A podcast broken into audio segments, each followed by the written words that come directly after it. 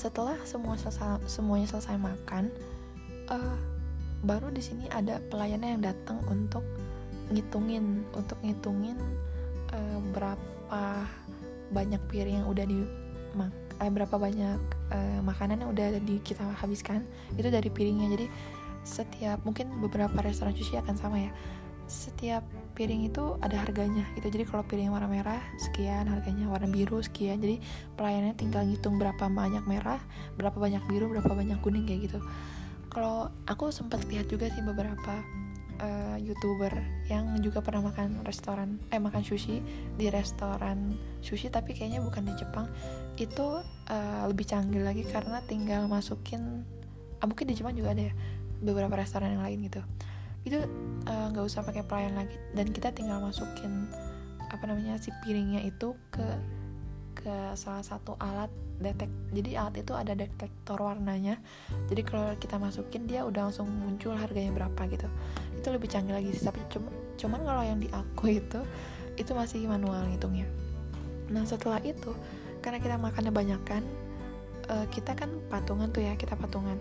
Terus pas aku mau patungan juga profesor aku tuh gak ngebolehin aku patungan gitu. Jadi aku tuh di, dibayarin lagi gitu. Aku agak nggak enak sebenarnya karena aku udah dikasih uang yang menurut aku tuh lumayan banyak banget untuk dua minggu gitu.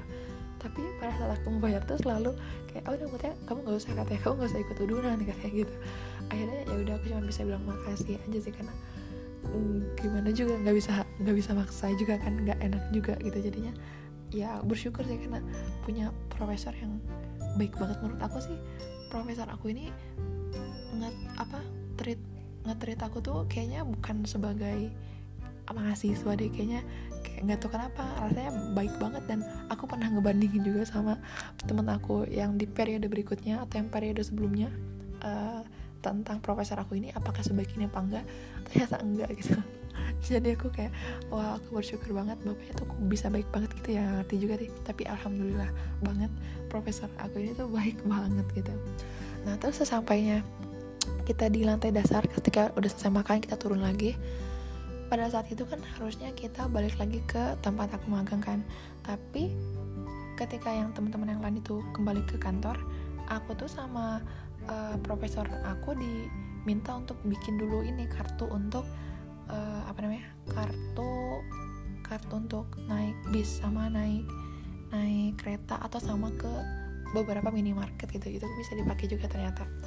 Akhirnya kita ke basement ke basement untuk ngisi uh, data-data diri. Itu kita bikin si kartu kartunya namanya itu Pasmo Card. Si Pasmo Card ini kita bikin di tempat stasiun yang bawah tanah itu yang ada di bawah si mall yang tadi kita makan itu. Dan itu ternyata bikinnya harus pakai mesin jadi langsung. Jadi uh, apa namanya self service gitu nggak ada pelayannya kita bikin sendiri di mesin yang sama untuk nge-top up si kartu itu. Terus pas bikin itu uh, ini juga nanti ada mungkin aku akan bikin ini di part berikutnya ya bikin si pasmo card ini podcastnya. Tapi satu yang aku pengen kasih tahu lagi adalah profesor aku ini super baik karena di ketika kita bikin si pasmo card itu ada salah satu data yang data pribadi yang harus dimasukin. Sebenarnya aku punya itu tapi the, apa profesor aku ini udah pakai pakai punya saya aja datanya gitu.